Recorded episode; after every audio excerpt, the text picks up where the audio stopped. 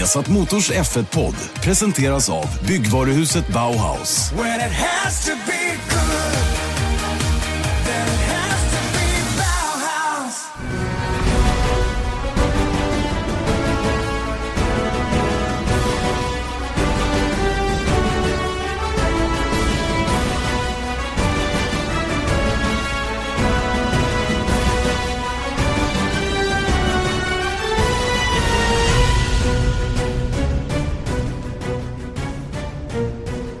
Mycket välkomna! Formel 1-podden. Vi har satt Motors Formel 1-podd med Janne Blomqvist och Erik Stenborg. Tillbaka igen och Erik Stenborg, det är racevecka. Det är racevecka, det är racevecka. Jag tycker det känns eh, helt sjukt att säga det. Ja, Det är bara tre månader. ja, det är helt otroligt egentligen. To- vad räknade du ut? 16 veckor sen vi slutade. Ja, 120 dagar kommer det vara mellan målgången i eh, Abu Dhabi till starten i Australien. Ja, 120 dagar, det känns ju som ett halvår ja. ungefär. Och, men Fast sam- samtidigt kort. precis vad jag tänkte säga. Vi har ju knappt slutat tycker man eftersom vi har haft så intensivt också hela Mm. vägen fram till till dags dato egentligen då när, när allting sparkar igång. Ska säga att podden den hör ni som vanligt på Acast, på iTunes eller på viasasport.se. Och eh, dagens podd blir ju naturligtvis dedikerad premiären. Det måste ju bli så på något Ja. sätt. Det är ju oerhört intressant det vi har framför oss och massor med frågetecken kommer att rätas ut. Inte alla, men några stycken i alla fall redan den här första helgen. Eh, det är väl viktigt att påtala det att Melbourne och Albert Park är en dålig det är en då, dåligt benchmark på det sättet att banan är inte representativ för resten av säsongen. Men vi kommer ju för första gången att få se de här nya bilarna tävla mot varandra och det kommer ju ge oss en indikation. Eh, på lördag kommer de att köra för fullt allt vad de kan och då får vi också en indikation på hur de står mellan varandra så att säga. Och det här ser jag som oerhört intressant. Jag är sjukt, sjukt förväntansfull på det vi har framför oss. Det är farligt att bli det för mycket för risken är att man blir besviken. Va? Men, men just den här gången, jag har sagt det vid flera tillfällen att den här säsongen kan bli den roligaste på väldigt, väldigt länge av många olika skäl. Mm. Men det är också eh, så jag tänker att så här, oavsett vad, om det blir kul eller inte kul, eller liksom om det motsvarar förväntningar och all den här håsen som ändå finns runt de här nya bilarna. Så är det ändå sådär att jag tycker att kvalet i Australien är kanske den mest intressanta stunden på hela säsongen. För att man har inte sett, det, det här är liksom, då är det verkligen alltså första gången man kommer se bilarna optimerade, gå på ångor, rätt däck. Liksom, och det är inga, allt det där med alla tvivel Mm. runt eh, sandbagging och allting sånt där. Det är borta. Sen kan det vara orepresentativt ändå om man har, får tekniska bekymmer eller fel eller någonting sånt där. Såklart. Eller gör misstag. Men ändå, det är då, då läggs alla korten på bordet. Mm. Ändå. I varje fall i kvalsammanhang. Och, sen så, och det är samma sak i första racet. I, eh, det känns som jag bara svamlar för att jag känner mig lite excited. Men, det, ja, men det är ändå så här i racet så, om man ser hur det såg ut förra året. Att då började man ju förstå att okej, Hamilton tar pole. Men Ferrari var ju faktiskt på väg att vinna där. Mm. Och de var ju inte alls med egentligen. Nej. Men det var ju också den här long run pace versus eh, kval pace. Mm. Och eh, det är också sådana grejer som ska reda ut sig. Och då kan inte heller alla teamen förbereda sig vad de andra gör heller. För att man, de vet inte heller hur, deras, hur de ska försvara sig riktigt. För att det finns inget facit riktigt. Nej, nej. Har vi papper på hur det gick förra året? Jag nästan så att jag kommer ihåg vad som hände. Jag tror att ehm, vi, vi har ett litet fint statistikpaket där som vi kan Mm. Det, som, glana i. eh, det var ju. Ro- Rosberg vann med. Hamilton tvåa och Mm. eh, Vettel borde ju ha vunnit det där. Just det. Eh, det Och var det här- med Safety Car, Han eller valde- rödflaggen. Han valde, valde fel däck under det att de gick i depå Ja. eh, under, under eh, rödflaggen som blev efter Alonsos våldsamma krasch när han touchade i Esteban Gutierrez. Precis. Uppe Så han i kom trea istället då. Just och det. det var ju en klar... här var en taktisk miss och vi ifrågasatte den redan då och vi undrade så, vad håller de på med? Mm. Alltså hur tänker de nu? Titta hur de andra gör liksom. Men eh, ja, de var osäkra och det är också en, en parameter som man inte får glömma när man kommer till Australien. Alla är osäkra. Mm. Då var det kanske extra osäkert det här med degradation i däck och vilka däck håller. kan man chansa bort sig i bakkant istället och så vidare och så vidare. Va? Eh, nu är, tror jag den, den, just den biten är borta till i år. De här däcken är mycket, mycket mer tåliga. Mm. Och, och eh, det finns en stor risk för enstoppsrace ganska många gånger i år. Men Pirelli säger själva att, att uh, tire deg is enough eh, nu ska jag prata svenska, Ja, att däckslitaget är tillräckligt för att, ehm, för att behålla liv i strategierna så att säga. Mm. Och, ja, men, och det är också en sån där grej. Det är också nya däck. Mm. Alltså, man vet inte heller eh, vad kommer det innebära i form av, eh, kommer det komma sådana här eh, marbles, alltså Mm. grus, eh, Mm. gummirester gummirester, liksom mm. offline eh, eller inte. Och är det helt rent då kanske det är lättare att komma att göra omkörningar och liksom attackera fram och tillbaka och köra på det smutsiga och, och allting sånt där. Och man vet ju inte heller hur eh, sett till degradation, att vad, hur ser det ut Nej. egentligen? För det har man ju bara sett på testerna Och vi- egentligen också. Vi har inte sett någon riktigt köra slut på några däck än i alla fall. Och jag upplevde i alla fall under de testdagarna som jag var där, samtliga, att det var aldrig någon som hamnade i ett läge där däcken tappade liksom 2-3 sekunder. Nej. Så, så det är bortbyggt till i år. Va? Men det kommer fortfarande vara viktigt när det gäller när man ska gå in. Mm. Och när man kan göra sina snabba varv. Och det känns inte som att vi har haft den här, äh, det som vi kallade klippan. Nej. Liksom att det går till en viss punkt och sen så bara är bom. borta. Mm. Det har inte vi sett på några år. Eller? Nej, det har vi väl inte. Jag tittade faktiskt på ett race från förra året. Eh, det var Belgiens Grand Prix. Mm. Och då hade vi några bilar, för det var ett väldigt speciella förhållanden där. Där Just försökte det man sig på enstoppare. och- Precis, det var däcktryck. Jag såg Romain Grosjean halka runt med däck som var totalt slut i bak. Han kunde knappt köra bilen. Mm. Och han hade ju naturligtvis kommit till The Cliff då. Men eh, ja. Ehm, och sen ska vi ju inte förvänta oss någon omkörningsfest i Albert Park heller. Det är ju inte någon bana som är, som är gjord för det egentligen. Eh, jag vet inte hur de har. Förra året tror jag de hade två detection och två DRS-zoner. Ibland har de haft bara en detection här innan kurva 14. Och sen så har man två möjligheter att använda DRS. Mm. Eh, jag vet inte hur de har gjort till i år faktiskt. Om, om de håller fast vid det.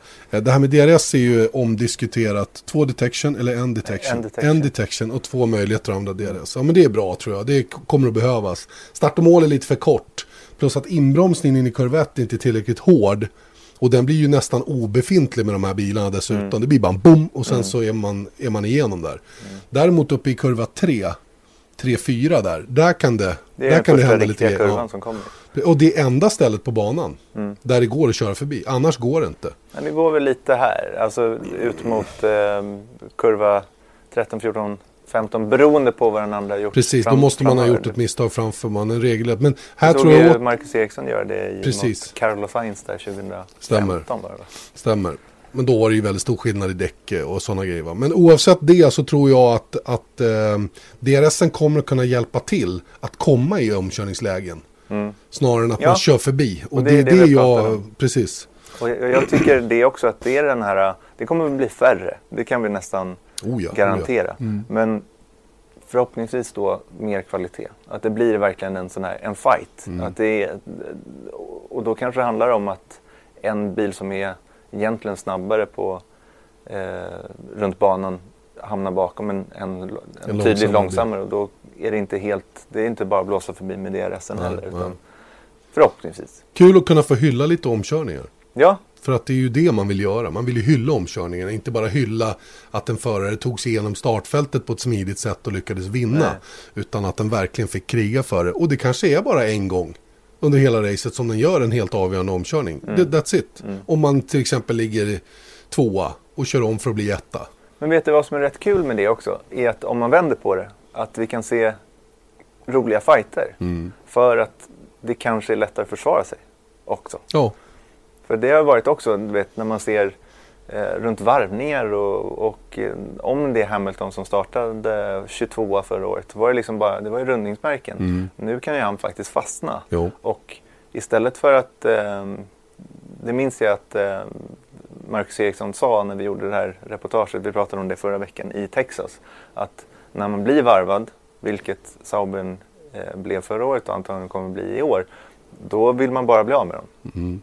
Förstår du? Att en långsammare bil vet att man inte kan racea mot en snabbare bil, så då vill man ju bara, stör inte mitt race, kom bara om. Precis. Att det, och och här, nu kanske det finns incitament att fightas istället. Mm. Mm. För man kan, det är fortfarande rimligt att hålla bak en snabbare bil bakom sig i tio varv.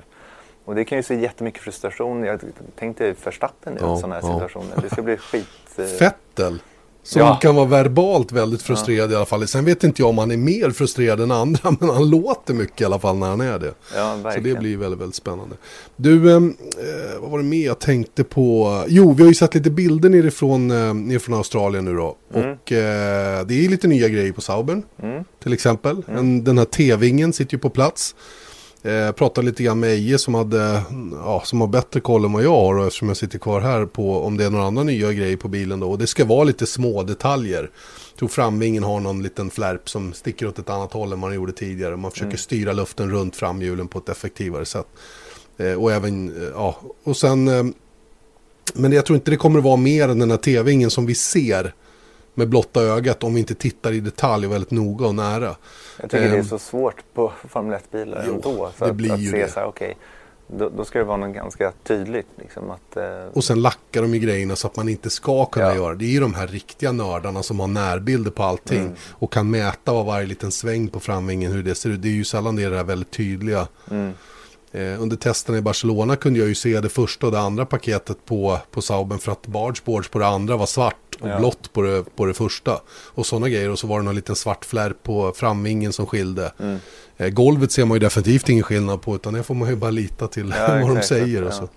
så. Eh, men det intressanta är att Sauber kommer köra bilarna i två olika konfigurationer eller två, eh, ja, två olika konfigurationer under åtminstone första träningen då för att utvärdera de båda R-paketen nu då. För det, jag gissar att det som man inte fick att fungera i Barcelona eh, togs hem och sen har man justerat det. Mm. Det som man tror var anledningen till att det inte lirade.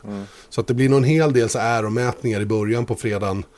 Eh, bara för att få lite data och värden och sen börjar man att köra med baseline-vikt i bilen. Känna på hur bilen fungerar. Eh, se om det man lärde sig under testerna i form av skanning av bilen. Att den reagerar på rätt sätt på setup-förändringar. Det är Och väl sen- ungefär som alla kommer göra. Ja, Alltså, självklart det. Men, men, men det, jag tror att det är ganska stor skillnad mellan de som har koll Ja, och de som visst, inte har koll. Bakom eh, Ja, bakom topp tre tre. då? då, ja. Ja. Men jag tror ju sådana som Red Bull också har lite, de är ju inte helt hundra. De kommer ju säkert ha en hel del nytt på bilen nu Mm. här i Melbourne enligt vad vi har hört och vad som har sagts. Och då är de också naturligtvis lite oroliga över innan de vet exakt om det fungerar.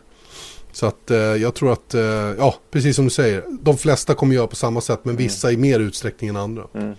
Och sen så är det ju den där grejen att till träning tre då börjar man väl se lite tendenser inför kval. Men inte ens då tror jag att man kommer släppa på fullt. Nej, det gör Eller- man ju såklart inte. Speciellt inte ett första kval, då vill man ju liksom spara. Mörka så länge som Ja. möjligt. Nej, det blir, det blir sjukt spännande där och, och jag ser oerhört mycket fram emot det. Jag är ju också, om vi börjar, ska vi börja titta på teamen kanske? Mm. Det Jag kan också bra. säga det apropå eh, Frinda och Eje är på plats i Australien och de Just det.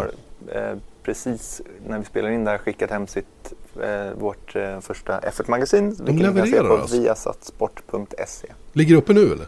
Eh, Ja, det kommer det göra när podden det. hörs i ja, alla fall. Gör det. Ja, och på det. Viaplay. Just, jaha på Viaplay också, bra. Lite sen mot eftermiddagen, men Ja, förmodligen Antagligen. när det här är ute Ja. så finns det på Viaplay också. precis. Gött! Ja. Eh, ja, du har gjort en liten lista Erik ser jag och eh, den är team för team och du har börjat, om jag har tolkat det rätt, bakifrån och framåt. Ja, jag tror nämligen inte att McLaren kommer vinna. Den här helgen Det är intressant att du har satt dem högst upp i den här stapeln som börjar bakifrån. Ja, just det. Oj, det är Ja, men precis. Men det är ju tia, Ja, McLaren. de är tionde team alltså, sist. Ja, den här helgen Mm. pratar vi om. Det här är ingen season preview. Det här är Nej.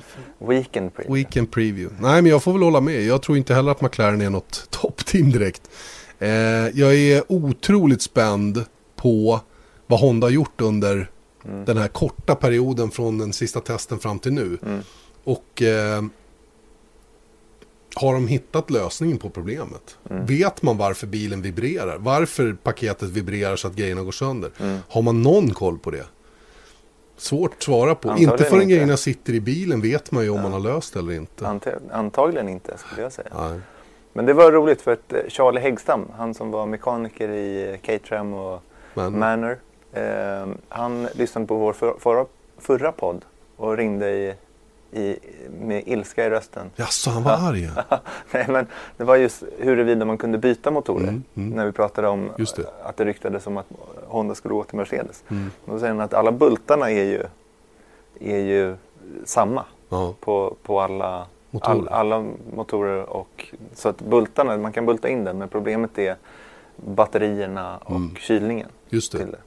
Vilket jag tycker är intressant. Så det går ju att göra det. Alltså det är bara det att bilarna är byggda runt motorn. Visst, det är de med allting annat. Mm. Och växellådor och allting sånt där. Men, men just eh, fästa, en, eh, fäst- fästa en Mercedes kan Så man i göra. praktiken så skulle du kunna ta en bakände från en annan bil ja. och sätta fast. Men sen behövs då resten. Ja. För energi, energiåtervinningen hela den Men att bulta in motor är inget problem. Nej, nej, men okej, sen bra. så... Men Tur att sen, vi har Charlie. Ja, det är det. Han får nästan vara med i podden vid Men tillfälle. jag tycker att han borde vara med nästan jämt. Han borde vara med jämt. Vi får se till att ordna det. Okej, eh, vi är överens alltså om att McLaren just nu i dagsläget är sista team. Mm. Men det är ju också vad de säger inför att eh, de- ser ju hela Australiens Grand Prix som en test, eh, testrunda. Liksom. Just.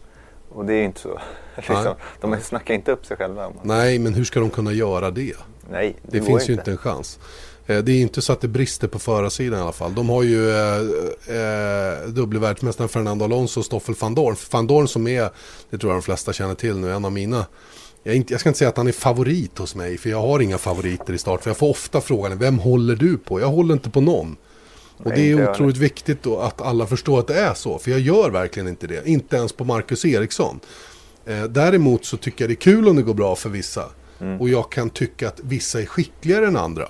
Och Stoffel van Dorn är en sån Och, som och vem håller- gillar inte en underdog om, om man säger så? Det är det, som, det är det enda jag nästan hoppas på inför en helg är att någonting oväntat ska hända. Just. Och då är det i positiv bemärkelse. Ja, absolut. Nej, men van Dorn håller jag väldigt, väldigt högt. Och det har att göra med att jag såg honom köra så otroligt stabilt och bra i GP2. Som jag vet hur svår klass det är att hantera just det han gjorde så grymt bra. Mm.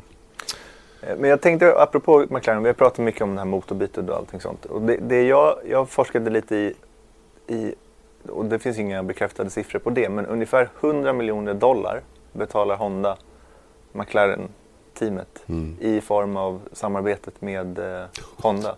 100 miljoner. Ja, Det är Saubers hela budget. Ja, det här är från eh, BBC Ja. som det är rapporterat, så det är inte Nej. heller bekräftat. Men, men om det är så, då tycker jag att så här, de kommer inte avbryta det här Nej, samarbetet under tiden. såklart inte. Och speciellt när de har sagt att de kan inte vinna VM med en eh, customer eller en kundmotor.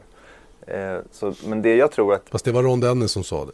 ja absolut. Och det är Ron Dennis som tog in Honda. Mm. Så att på så sätt så skulle man kunna säga att men skit i det. Mm. Men det jag tror, jag tror att de har, att, jag tror att det ligger någonting i det Ron Dennis säger. För att man kan optimera det. det. Jag menar, Red Bull gjorde det förvisso. Men, Ja, men de var inte, de var inte kund på det sättet. nej, och det var förra För, motorreglementet och dels också. det va, men de var definitivt ingen kund på det sättet. För då Nej. var inte Renault med som fabriksteam till att börja med. Nej, exakt. Utan Red Bull var huvudteamet för Renault. Mm. Och man jobbade enbart för att Red Bull skulle vara så bra som möjligt. Mm. Och det var ju det som blev lite deras problem också. De fick ingen cred för det. Men det jag hoppas på nu, det jag kommit fram till på kammaren, är att nu kan ju inte Honda hävda att allting är lugnt Nej. längre. Det här är tredje året som saker och ting uppenbarligen inte är lugnt. Det kanske gör att McLaren får större möjligheter att styra Honda. I, så här gör man i Formel 1. Mm. Inte som ni gör. Utan vi vill ha det på det här viset. Kanske. Sen är det en lång väg att vandra ändå. Men det kanske är början till början. Man kan hoppas på det i alla fall för deras skull. Alright, på vår lista då som nummer nio bakifrån och framåt alltså eh, utav teamen då som är tio totalt i år. Eh, lägger, ligger det Sauber på din lista? Mm. Varför då? Ja, men jag tror bara att det- det är den här magkänslan. Det finns ingen analys. Och jag tycker att sett till problemen de hade, eller vad man ska säga. Att det, jag, tror att, jag tror att de ligger där. Just nu. Jag har ingen avvikande åsikt. Jag, är- jag är helt inne på det också. Att och det här med motorn, 2016-motorn. Ja, det ja. börjar kännas ännu liksom... Ja, men ja, det där är inte jag lika orolig nej, över. nej, Inte men, än. men, nej, men Nej. fortfarande att det kommer inte hjälpa dem. Absolut inte. Och det är det jag menar också. Att med tanke på allting som vi såg från testerna och Mm. motorn så tror jag att... Och att den nya Ferrarin var snabbast rakt fram. Ja. Nu har ju det naturligtvis att göra med resten av paketet också. Men det Ja. betyder ju att den är, den är stark i alla fall. Mm. Ja, nej, men jag har som sagt ingen avvikande åsikt där heller. Jag tror Sauber är näst sist just nu. Och att eh, de kommer att få kriga där nere. Däremot så är de inte avhängda. Och det är små marginaler från att vara, eh, eh, vad blir det då, 17 och 18. Mm. Och att vara 12 och 13 eller 11 och 12. Mm. Det kommer att vara otroligt små marginaler. Och de kommer absolut att ha kapacitet att då och då skrälla. Mm. Kanske redan nu första helgen. Det vet man inte. Och, och jag som jag pratade med Marcus Eriksson under testerna så sa jag att det här är ju det som kan vara grymt viktigt i år. Är ju att få till ett kval. Att liksom verkligen sätta ett kval. Mm. Så här chocka alla. Kvala in Sauben 11, 10, 11, gå till Mm. Q3. Vilket naturligtvis låter osannolikt på pappret. Men låt säga att det funkar. Mm. Med tanke på att det i år kommer det bli mycket, mycket svårare att köra förbi. Jag, jag säger Ja, det utan och att sen veta. så gör en bra start. Precis, och det, det här är ju också sånt som Marcus har varit inne på att det är det som är roligt med det här nya reglementet, att det finns möjligheter nu att överraska om man får till det.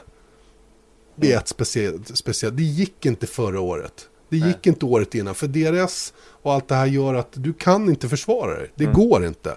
Det fick vi ju väldigt tydligt i Texas då när vi gjorde det här reportaget. Det går inte. Och därför så eh, hoppas jag att, eh, no, då, jag tror att det här med annorlunda strategier, vilket man höll på med lite då och då förra året, kan i år betala sig Mm. på ett bättre sätt. Kommer en safety car vid rätt till- tillfälle Ja, men typ, saker. typ. Men det, det som talar emot det där då är att om man kvalar 18 Mm. och gör en vanlig start. Då är det, Ja, då är det stört. Då är det jobbigt, Ja, liksom. men då, det, Ja. det kommer aldrig gå. De, de kommer, jag tror inte någon kommer att kunna göra. Nej. Att köra upp sig sådär äh, 15 placeringar. ja, eller ens ta, gå på 10. Nej, Liksom, utan att, eh, nej, det blir nog inte så. Och vi- Mm. Sen nu, efter Sauber, i listan. Det är ju banne med omöjligt. Ja, nej det går inte. Jag Jag, håller med. dig. den här magkänslan som jag skrut, skrutit om, Mm. den svek mig. jag, bara, jag bara, ja. Ska vi gå på mina analyser då kanske? Och då pratar vi om Toro Rosso, Haas, Force India, Williams. Mm. Framförallt tycker jag. För jag Ja. tror att ändå Renault är fabriksteamsmässigt, magkänslomässigt så säger jag till fabriksteam andra året. Och Renault ska vara bättre motormässigt. Mm. Ja, de, kan ligga på, på fjärde plats. Men sen så 8, 7, 6, 5. Mm. Det Nej, är jag- bara att kasta upp eh, Det är faktiskt löv i bara att kasta upp liksom. ett löv i luften. Ja, i och för sig tror jag att om Renault, Mm. som enligt egen utsago nu har fått ordning på det ERS-problemet man hade under testerna, Mm. gör att Renaults fabriksteam kommer att vara med där framme och att Red Bull kommer att vara konkurrenskraftiga mot Ferrari och Mercedes, Mm. så kommer även Toro Rosso hänga med på den. Vilket innebär då att om Renault är fyra, så kommer Toro Rosso i kraft av det att Mm. segla upp en bit. För jag tror de har återigen ett väldigt, väldigt bra paket. Mm. Däremot oerhört hämmade under testerna av att motorn inte fungerade till 100%. Fick väldigt få varv gjorda. Ja. Och När det- därav, så apropå motorn, Ja. Att de hade problem med motorn så har jag satt dem som åtta. Ja, ja, för tillfället ja. För, för tillfället. Mm, Och det är bara utifrån vad vi kan gå nu. Exakt. Och framför dem har du satt Haas. Men vi kan, vi kan bunta ihop dem. Haas, Force India, Williams. Mm. Där i den trion så är ändå Williams favoriter för mig. Eh, sett till vad de gjorde i, i, ehm, eh, i Barcelona. Eh, dock tror jag att det var rätt mycket glory running där. Mm, jo, det Eh, och det har de nästan hävdat själva också. Att vi körde bilen väldigt, väldigt lätt och därav de konkurrenskraftiga tiderna. Force India är svårare. Eh, de har ju eh, också fördelen av Mercedes Mm. motor. Och de kom fyra förra året. Ja, Det, det är det som gör liksom... Det, det är svårt att... där är din gut feeling. Ja, men det här är också svårt för att jag menar 16 och 17 Jösses vilken skillnad. Det är Absolut. inte direkt så här, okej nu vidare, som de gjorde de senaste åren att de inleder säsongen med ett grundpaket från, baserat på fjolåret och sen så kommer de att introducera en ny bil allt eftersom. Nej. Det kan de inte göra nu så det här är ju en, det här är det de har. Mm. Ja, grundpaketet, det är klart att de också kan utveckla. Verkligen. Men inte, jag, jag tror att kanske Force India, ja, de, jag, jag skulle kunna säga att de trillar bakom Haas. Alltså. Mm. Ja, vi får se. Mm. Eh, ju, vet man inte riktigt, fågel eller fisk. Eh, jag tycker det skiljer väldigt vad båda förarna i teamet har haft för synpunkter på bilen. Grosjean fortsätter att gnälla på bromsar, inget nytt under solen där. Och jag börjar ju ledas till att det inte har så mycket med vilket bromsfabrikat de har, utan hur han vill ha bromsarna rent Mm. generellt. Och eh, för, för Kevin hörde vi inte ett pip från Nej. när det gäller just hur bromsarna kändes. Men Och han Grosjean- hör man inte så mycket pip Nej, av i och för sig heller. inte va. Men hade han haft synpunkter på det. Mm. Då hade han ju sagt det tror jag. Hållit med. Eh, och eh, därför så börjar man ju tro, och jag, jag intervjuade ju själv Romain Grosjean, han sa till mig, jag är speciell när det gäller bromsar. Jag har krav på en viss känsla ifrån, från känslan i bilen när man bromsar för att jag ska kunna prestera så som jag vill. Och jag tycker ju ändå att han är snabb och är på en hög nivå trots de här problemen. Det är väl kanske någonting i hans sätt att ut, vara bara, att han, han måste ha den där taggen i ryggen på Men, något men sätt. det som jag tycker talar för Haas är eh, line-upen. De har eh, Grosjean och Magnussen. Mm. Jag tycker Grosjean Magnussen är bättre än Grosjean Gutierrez. Oh ja, oh ja. Och om man tittar på Williams så har vi Massa. Jag är inte helt övertygad om hans kapacitet längre. Nej. Att han är på verkligen den där yttersta toppen. Även om eh, han och Bottas hade bra fighter genom de senaste åren också. Men Stroll har jag frågetecken om, i varje fall i början av säsongen. Ja, men alltså han kommer ju inte vara på samma nivå som Felipe Massa, så är det. Och han kommer ju ha en otrolig press på sig också. Mm. Även om man försöker att och liksom ta bort den och bara koncentrera sig på sin egen insats hela tiden. Vilket självklart är helt rätt i hans fall. Och jag tror att det är många runt omkring honom som jobbar med just den biten, det Mm. mentala. För att killen kan köra racerbil, det har han ju bevisat. Ja, men Formel 1 och Ja. racerbilar är Ja, inte det är, ju det, det är ju det ena. Men sen har du det andra. Det är ju en helt annan press på dig när det kommer till Formel 1. Mm. I F3 en krasch och så går man till motorrummet och så kör man ett race. De kör ju tre race per helg. Mm. Visst, det påverkar ju självklart. Va? Men här har du bara en chans. Men det är inte så mycket media runt, Nej, det är inte nej. så många som tittar eh, heller. Så det, det alltså, pressen är ju Ja, den är stor. verkligen en stor del av Formel 1. Absolut. Att Och, köra Formel 1. och, och, och Stroll vet ju också hur tugget kommer att gå. Om det börjar och krångla. Mm. Så att säga va. Då kommer man att ropa efter hans, eh, att, att han ska bytas ut och var det rätt att ta in honom hela den där grejen. va? Det kommer snabbt. Frågorna kommer att komma upp, Oh ja, oh ja. garanterat. Ja. Alright, då har vi packat ihop det här mittfältet. Toro Rosso hade du som åtta, vi hade Haas som sjua, Force India sexa, Williams femma och Renault på fjärde plats. Mm. Det här är alltså en eh, extremt... Eh, Ja, det, det, det där är jag, jag står inte ens De landade så bara. Ja, de Eller gjorde det. När vi kastade upp dem. Ja. Däremot längst fram då så har ju du Red Bull på tredje, Ferrari på andra och Mercedes längst fram. Mm. Och nu börjar det bli riktigt intressant. Ja. Eh, för att ehm, Red Bull har inte visat vad de går för ännu. Vi är, vi är ganska säkra, både du och jag, på att det finns enormt mycket kapacitet där. Om de har en tillförlitlig motor. Mm. Eh, Max Verstappen har sagt själv att de är inte på nivå att utmana Mercedes just nu. Mm. Men att de. Mm. Det skulle han nog säga, det tror jag också. Om det var så. Och det kommer att dröja lite grann innan de är på den nivån. Mm, Men det jag tänker på, han skulle nog säga det. Men han baserar det på Barcelona. Så han Sant? ljuger ju inte. Nej. Men i Melbourne, Hur bra är de i Melbourne? ja, jag menar det här har hänt Mm. tidigare också. De här är ju nästan liksom mästare på sandbagging. Mm. Red Bull. Ja. Ja, ja det, det, var länge sedan de verkligen gjorde såna headline-tider under en test. Ja, Eh, inte ens när de var riktigt bra. 10, 11, 12, 13. Mm. Så gjorde de ju det. Utan, eh, ja. eller under träningar. Så Nej, då, då, nej. vet, eh, Red Bull ska man hålla koll på under kvalet. För där, där kan det hända lite vad som helst känns det som. Och man kommer också se att så här, är det någonting annorlunda med bilen? Är det en ny bil? Mm. rent av. Och det vet jag inte heller riktigt vad alla baserar det på. Nej. Men det är väl bara för att man tänker sig att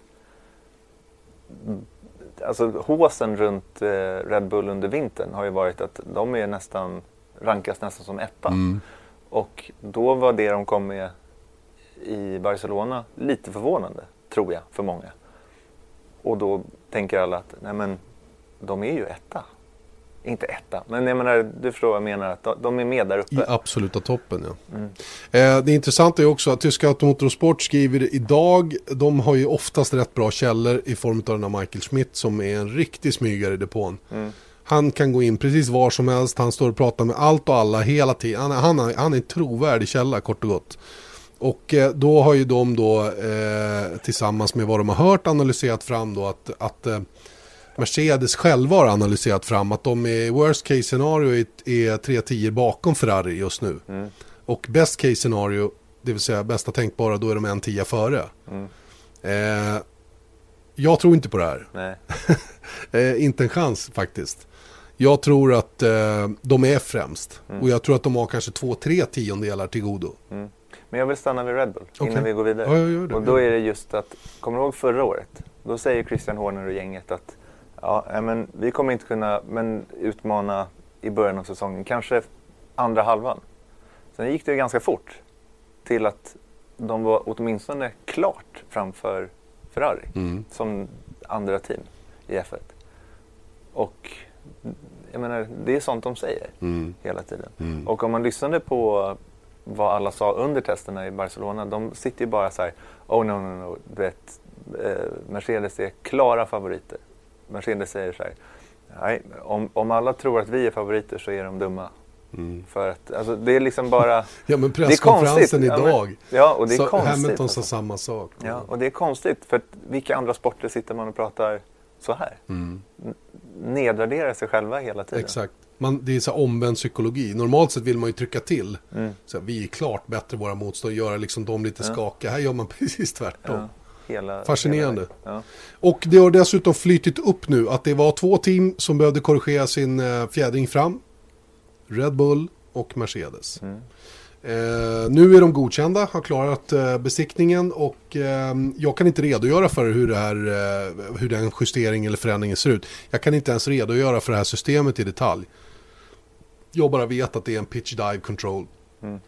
Som gör att man får bilen så plan som möjligt hela tiden. Eller i alla fall i den nivå med golvet som man vill ha den så, så mycket som möjligt. Och, Det eh, som Jonas Jarlmark eh, precis, berättade i en tidigare podd. Mm. under vintern. Då.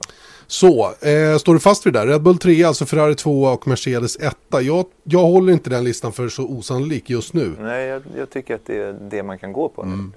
Faktiskt.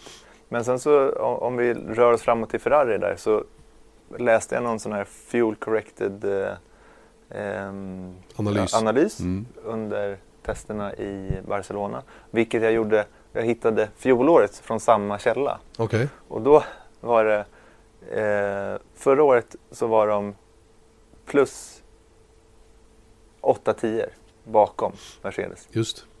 Nu, enligt samma sätt att se det på, så var de 3-10 före Mercedes. Det innebär att de har hittat 1,1 sekund då i den nya 1,1 bilen. sekund.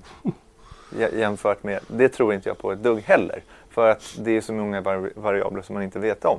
Men däremot så skulle, man, skulle man ta någon som helst fasta på det så ja, Det kan stämde ju rätt bra förra året, så varför skulle det inte stämma Ja. i år? Det är det du är ute Ja, efter lite lite. så. Mhm. Nej, men jag, jag håller med. Det, det, det roliga var att jag, all, allt som jag har hört under testerna var ju att Ferrari var en bit bakom. Mm. Att de var framför och kunde vara så pass snabba berodde helt enkelt på att de körde bilen lättare än konkurrenterna. Eh, jag var inte riktigt övertygad om det och jag höjde på ögonbrynen över när jag hörde det och jag var inte så här kände att nej, Mm. kan det där verkligen stämma? Sett till hur de presterar på banan och alla de här. Men det kan det ju givetvis så. Mm. Och vi, vi, vet ju ingenting om, om styrkeförhållandena från konkurrenterna förrän, som vi sa då, på lördag. Ja. Mm. Men sen så är det ju här, det här är en bil som James Allison har ritat. Mm. Han kanske får till det. Det Du vore ju- menar, det roliga är att han är Mercedes Ja, men det är det som är roligt också. Men det får man att tänka på att om de är väldigt bra med nu. Nu har de ju någon, vem är tekniker? Det är någon motorkille. Ja, eh, vad kan han heta då? Något på B. Ja, jag tänkte Bonziani, men då Ja. tänker jag på den här, han som var teamchef för mitt i någonstans.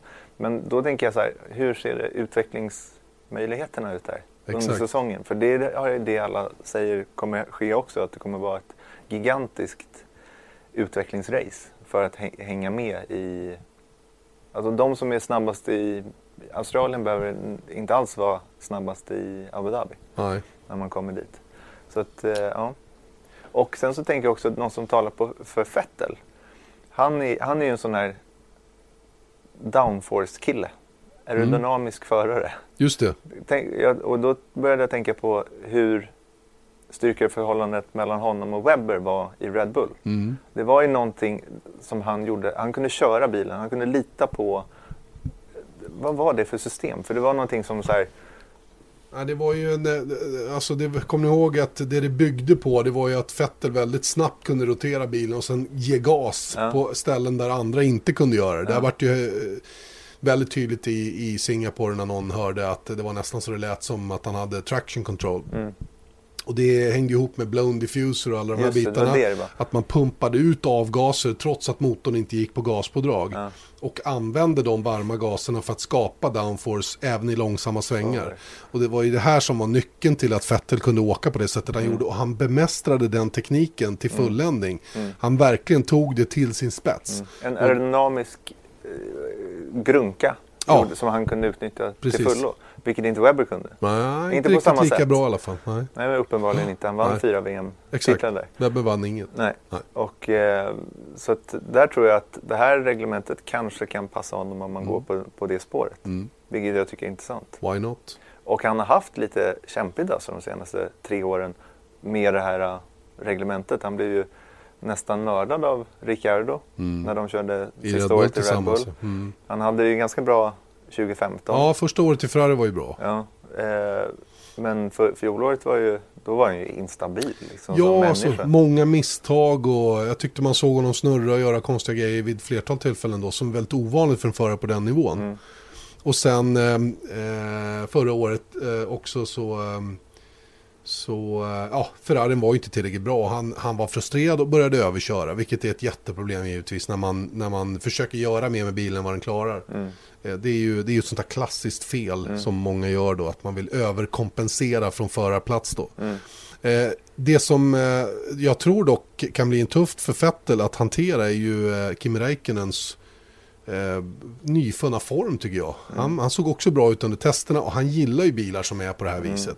Han har Mm. Ja, kört han den har eran det. tidigare. Precis, ja. Även om Vettel var inne och touchade på de här riktigt snabba bilarna då 2007-2008 så har ju Kimi varit med sedan början på 2000 Mm. och ju verkligen provat på bilarna när de var som allra snabbast 2004. Mm. Och det här är ju något liknande. Det talas ju om att de här bilarna är de snabbaste i F1-historien. Mm. Och vilket jag ser fram emot att få se bevis på också. Och eh, det tror jag kan tala för en sån som Kimi Räikkönen igen. Och dessutom med däck som går att belasta på ett helt annat sätt än tidigare. Mm. Det tror jag också passar en sån som Kimi Räikkönen som är lite mera ryggmärgsförare Mm. då än... Han gasar på. Liksom. Ja, Vi tittar på Ferrari då. ja Nej, eh, på Mercedes, Mercedes. Mercedes. Just det. Där, jag tror att de är där, Mm. De är längst etta. fram. Förhoppningsvis, eller och troligtvis tror jag nu, är med mindre marginal bakåt. Mm. Men då om man tittar på Bottas. Har han, nu ställer jag en fråga till dig. Har han Formel 1 enklaste eller svåraste jobb i år? Eh, det är 50-50 på den. Mm. Eh, han har det enklaste så tillvida att han kommer till fältets snabbaste bil. Eh, tveklöst. Den, den är ju liksom... Den, den är ju så bra som det går att få en bil. Och det, på det viset är det ju det enklaste jobbet så att säga. Att köra den snabbaste bilen. Eh, det svåraste är ju att också leverera i fältets snabbaste bil. Och det där pratar ju många om alltid. Att det är en sak att vara duktig i Formel 1. Men när du väl får VM-vinnande material och inte klarar att leverera. Vilket vi har sett ett antal förare hamna i den situationen. David Coulthard när de var som allra bäst i McLaren till exempel. Eh, Felipe Massa i Ferrari hade ju samma bekymmer. Det gäller liksom att vara där och hugga när man kan. Och det var det Rosberg gjorde till slut förra året. Och han insåg hur ruggigt svårt det skulle vara att upprepa den bedriften. Vilket gjorde att han tog sin mats i skolan. Va? Och, och, och det gör ju att um, Valtteri Bottas står inför en ruggigt tuff uppgift. Dels måste han köra för att få behålla platsen i Mercedes även framgent. Även efter 2017. Stort frågetecken för det. För det finns många lediga förare som är duktiga till säsongen 2018.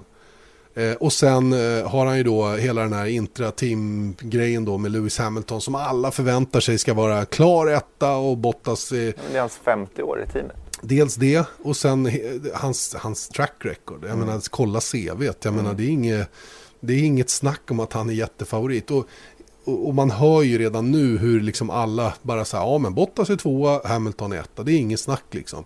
Eh, Bottas får nästan en stämpel, typ den Marcus Eriksson har fått längst bak i kön om att han är bara i Formel 1 för att han har stålar. Det är liksom, ja men du förstår vad jag menar. Det blir som en, en rubber stamped... eh, Att Ja, man, han är tvåa. Ja, Han- man bara bestämmer det. Men det är där jag menar. På så sätt så kan man ju se det som att om Bottas slår Hamilton, hur han nu ska göra det, Mm. Enstaka tillfällen eller hela, eh, hela VM. Kan du tänka dig vilken hjälte han kommer Mm. Ja. Men däremot, om man blir mosad av Hamilton. Ja, det räcker med att han kanske, kanske inte ens behöver bli mosad. Men låt säga att han är, att när Hamilton vinner så är Bottas trea. Ja. När Hamilton Nej, vinner så är. Bottas Och- och det är eller ju fyra. mosad. Ja, om man ser till fjolåret. Om, om Rosberg hade varit trea när Hamilton vann hela tiden. Då hade man ju ansett att han blev mosad. Ja. Och det är där jag tycker det ska bli intressant att se reaktionerna på det. Och hur man själv känner runt det. Är att kommer han trea hela tiden. Han är med där men inte Nej. eh, ospektakulär. Kommer det vara så här. Ja, ja, men det är ju för att Hamilton, han är trefaldig världsmästare, antagligen bäst i hela startfältet. Eller ser man det på, är han en, eh, eh, jag lyssnade på en annan, eh, BBCs podcast. Och då pratar de om eh, just den här grejen. Vilket jag tycker är intressant. Blir han Kovalainen? Förstår du vad jag tänker då? Mm, ja, ja, ja, jag fattar I precis. McLaren. Fattar precis. Han hade ju ingenting att sätta emot Hamilton där. Nej. Och efter det så fick han Ja, gå ja. och hamnade i Caterham med tre år och sen försvann han. Jag menar, det, det är ju... Ja, det, ja, men det, det- och det, men jag var inne på det här hela tiden. Det var ruskigt risky business för Bottas att tacka ja till det här uppdraget. Man kunde inte tacka nej. Nej, han var ju satt i en lite omöjlig situation. Vem skulle inte gå till teamet med, med världens bästa bil?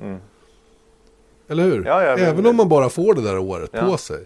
Så, För det är kanske är enda chansen man får också. Exakt, Det, det, exakt. det är ju så. Så han måste ju ta chansen. Men, men istället för att se det som att om han är tvåa Mm. och slår Hamilton ibland, då är han, då är han grön. liksom. Ja, För då är då, hemma. då, då är han eh, minst på par med Rosberg. Exakt. Men som sagt, blir han trea, trea, trea, trea, Mm. Får stryka med. Red Bull, Ferrari, kanske båda. Ja, För det finns en risk det också. Ja, visst. Det finns en jätterisk att han, och jag menar ponera att han bränner första kvalet där och startar sexa. Mm. Vilket de här, i och med att de är så jämnstarka där framme så är det en klar möjlighet. Mm.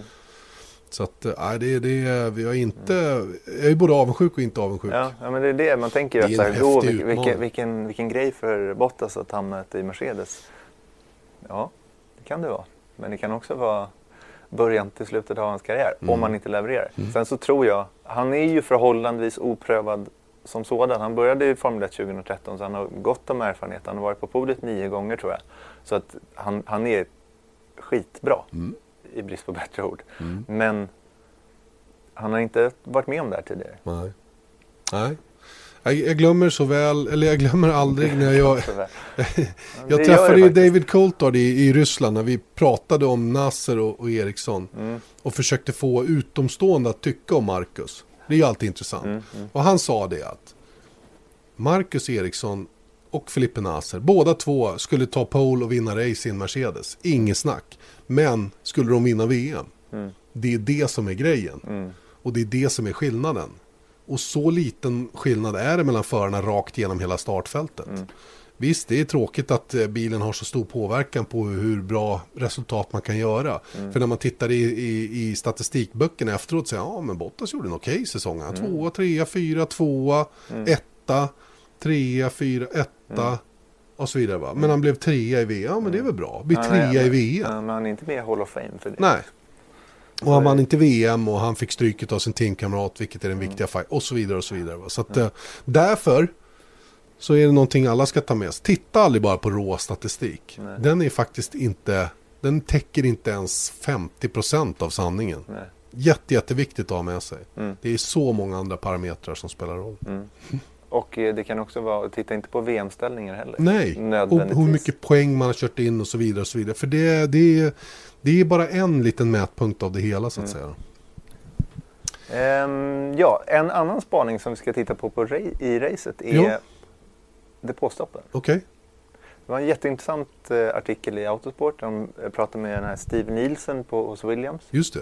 Eh, där eh, de pratar om depåstopp och de pratar med Williams för att de har varit, de var ju snabbast, jag tror att det var 15 gånger av 21 eller någonting förra året i deras pitstop och de toppade med fyra hjul på 1,92 sekunder i Baku förra året. Det är. Det är helt otroligt. Men det som är grejen här nu är att det är tyngre däck, de är bredare och tyngre Otympligare. ja, eh, och djupare fälgar. Mm. Vilket ställer till problem för att komma ner på de här nivåerna igen. Eh, Och Williams började tydligen träna inför den här säsongen under mitten av fjolåret. Med, redan innan Pirelli hade berättat exakt hur däcken skulle se ut. Och då tog de fram alltså dammig, tunga damm, dammig hjul och djupa fälgar. För de förstod att det här skulle vara och började träna på det då. Och eh, ett depåstopp hos Will- Williams i alla fall, det kan väl skilja lite grann. Det är alltså 34 olika handgrepp. Förstår du vad jag menar? 34 actions under ett depåstopp som alla måste då ske under två sekunder. Mm. Samtidigt. Ja. Ja. det är helt sjukt ju. Och 12 av dem påverkas av de här nya däcken. Mm. Eh, och största faktorn är inte eh, liksom att ta, liksom få upp bilen eller eh, sätta in wheelgun eller någonting. Men, men det är helt enkelt att när de tar av dem Just. och sätter på dem. Så dels att det är tyngre men sen så också storleken. Du behöver flytta dig mer för att komma undan. Exakt. Och det kommer ta tid. Men de tror fortfarande att de kan genomföra alla sina stopp under 2,5 sekund. Så det går fortfarande väldigt, väldigt fort. Men det här kan skapa problem. För att det är också när bilarna kommer in. De sätter ju i alltså, de här eh, wheelgunsen eller mutterpistolerna i däcken innan eh, Bilen stannat. bilen stannat. Och nu blir vinkeln, framförallt på bakdäcken, blir fel. För att det är bredare och djupare. Så att de ser inte Vart de ska in. var de ska in. Så det kan de liksom missa. Och sånt där. Så det kan mycket väl bli, apropå att vi pratar om utvecklingsrace, så tror jag att många kan nog komma med lite eh, depåstoppsgrunkor även under den här Oli- helgen. Olika lösningar. Ja, visa det. Du, och, och den som tror att det är billiga grejer där de tar fram. Det är ju, jag menar ta de här lyftarna som de använder nu som är hydrauliska och sådana grejer. De kostar ju 300 000. Ja. Ja, det, är var helt sanslösa pengar. När Manor kom in Exakt. förra året så, Visst. så pratade de om att wow, nu har de ju, Nu har de Nu har- kommit upp på samma nivå som, Ja. som de stora. för de har en hydraulisk lyft där på, som är blixtsnabb. Som Otroligt. kostar 300 000 kronor. Otroliga grejer. Eh, jag vet inte om vi pratade om det senast, men det som jag kommer att hålla koll på den här helgen. Dels är det alla provstarter Mm. och dels är det den riktiga starten. För den tror jag kommer att bli oerhört intressant. Mm. För första gången, vi pratade om att det numera är en linjär koppling, Mm. att det är kopplingsspel hela vägen eh, från 0 till 100 så att säga. Då. Mm. Och att föraren själv måste känna hur mycket han behöver plocka in respektive släppa då för att inte få för mycket hjulspinn. Lite som en motorcykel. Jag, jag tror att eh, MotoGP-hojarna har ett, en linjär koppling också. Jag är inte riktigt säker. inte. För de, de är ju väldigt datastyrda de här hojarna. Men det starterna, det kommer att bli grymt spännande att följa. Och jag ska försöka hålla mig uppdaterad om hur Marcus känner starterna går hela tiden. Och vi pratade lite grann om det under testerna. Han, han tycker att, och det där är någonting som han är duktig på. Jag tror att gör han 100 starter så är 95 av dem eh, på en 10-gradig skala 8 eller högre. Så han är, han är väldigt bra på det där och bra reaktionsförmåga. Och där kan man tjäna många placeringar i år. Och förlora. Ja, och förlora givetvis. Men framförallt tror jag man kan vinna mycket. Ja, det är väl 50-50 i och för sig. Va? Men, men det blir ett oerhört viktigt moment i racet som helhet. För tar du fem platser i starten. Ja, det, är ju, Ja, kan, det, det kan ju vara det, du, det kan ju vara det du tar dig framåt på hela racet. Ja, va? Så att, eh, ja, ja, grymt. Hörru, vi pratade om betting. Just det. Förra. Ja. Vi gjorde en liten marknadsundersökning där och fick väldigt gott gensvar. Kul. Många som vill vara med. Jätteroligt. Vi har däremot inte hunnit med att lösa eh, det som vi hade tänkt. Nej. Om vi fick gott gensvar. Ja. Så att vi jobbar vidare på den lösningen och alla får tippa lite på eget håll där. Men vi gör en liten egen eh, lista bara. Och där vi tar då, och nu måste vi hålla koll på det här för vi har gjort det här tidigare och då var vi alldeles för dåliga. Vi kommer aldrig ihåg vad, vem som hade vem. Exakt. Men vi får alltså den som prickar, det är tre kategorier. Pole position, vinnare och första DNF, alltså första personen som bryter. Ah, okej. Det är det vi, Mm. och eh, träffar vi rätt så får vi en poäng. All right. Så maximalt tre poäng då. Maximalt tre poäng, All right. minimalt noll poäng Cool. som du kommer få. Just det, just det. Just det. Ja. Och jag som analyserar, du som går på magkänsla. Exakt. Så vad säger din magkänsla här nu då? Ja, speciellt eftersom du inte kan riktigt analysera i det här läget nu. För det finns inte så himla mycket att gå på. Så säger jag pole position, Lewis Hamilton. Mm. Det här blir hans sjätte pole tror jag i Australien. Men vinnare, Sebastian Vettel. Okej. Första DNF, inte så svårt. Det är 50-50 mellan Alonso och van Dorn. Jag tar Alonso och du får ta van, Van Dorn, Dorn, föreslår jag. Så är det. Ja. Jag kan inte välja på. Och jag vänder faktiskt på de där gubbarna. Nej, det gör jag inte. Vet du vad? Jag sätter Daniel Ricciardo ta pole. What? Daniel Ricciardo ta pole. Yes, yes. Och, Och- du har ändå dem i, som trea i vår Ja, men det är, det är, det är bara någon enstaka Det låter som du går på magkänslan. Ja, men det gör jag faktiskt. Jag har inget att välja på. Du har Okej. redan tagit de starka korten. Jag skulle i och för sig kunna sätta samma som du. Men Ja. det är tråkigt. Ja, det, det får man inte. Så det får du får Så välja först nästa Jag gång. tror att Ricciardo vinner. Jag tror att... Eh, Ricciardo vinner. Nej, ta pole menar jag. Ja. Och jag tror att eh, Vettel vinner. Där är jag eh, enig med dig. Jag tror att Merca går, går bet den här helgen faktiskt. Ja, men det här nu, ja visst. Och van Dorn bryter först av alla. All right. Ja men då har vi det. Ja. Ni behöver inte ens se på racet. Men det tycker jag ni ska. Absolut. När börjar vi? 01.55, eh, natten mellan torsdag och fredag. Det vill säga kommande natt. Ja, Om ni lyssnar på den här podden direkt när den kommer ut. Men natten mellan torsdag och fredag 01.55. Träning 2 ser ni 05.55 med eh, rollout för bilarna då 06.00 svensk tid. Och sen eh, på lördag så börjar vi 03.55 med träningspass nummer 3. Och de kör ju då mellan 4 och 5. Och sen är det alltid två timmars lucka då mellan FP3 och kval. Det innebär ju då att eh, kvalet går klockan 7. Det Ja. vill säga sändningen börjar 06.40. 06.30. 06.30 Vi till och har, med. eh, vi har så mycket att prata om. Så vi Utökad har, sändningstid, underbart. 06.30 eh, kvalar vi på lördag morgon, Även i TV10. även i TV10. Och sen så drar vi igång på söndag morgon 06.15 och då har alla flyttat ut utemöblerna. Det är nämligen sommartid. Det innebär att vi flyttar fram Fram. klockan. Fram med klockan. Vilket betyder att med vintertid så har vi call time här i kontrollrummet 02.30. Underbart. Det känns härligt. Det är toppen. Inte för, inte för kommentatorn, han kommer in Ja, exakt. 20 innan. Ni bara glider in där. Ja men det blir toppen Erik. Jag, jag ser verkligen fram Det här blir en sjukt spännande helg. Och jag Mm. tycker det ska bli så roligt att det äntligen drar igång. Ja, Jag gissar att det är många andra som tycker likadant. Jag hoppas att alla är med redan 01.55. Jag blir grymt besviken om jag sitter där själv. verkligen. Ja, men det, det kommer det inte göra. Nej. Det kommer inte göra. Hörni, vi tackar för oss. Kommer med en uppsummerande podd eh, nästa vecka redan. Japp. Då laddar vi om bössan och kommer tillbaka och då har vi ju ännu mer att prata om. För då har vi faktiskt kört ett race. Ja, verkligen. Ha det gött då. Samma. Esat Motors F1-podd presenterades av byggvaruhuset Bauhaus.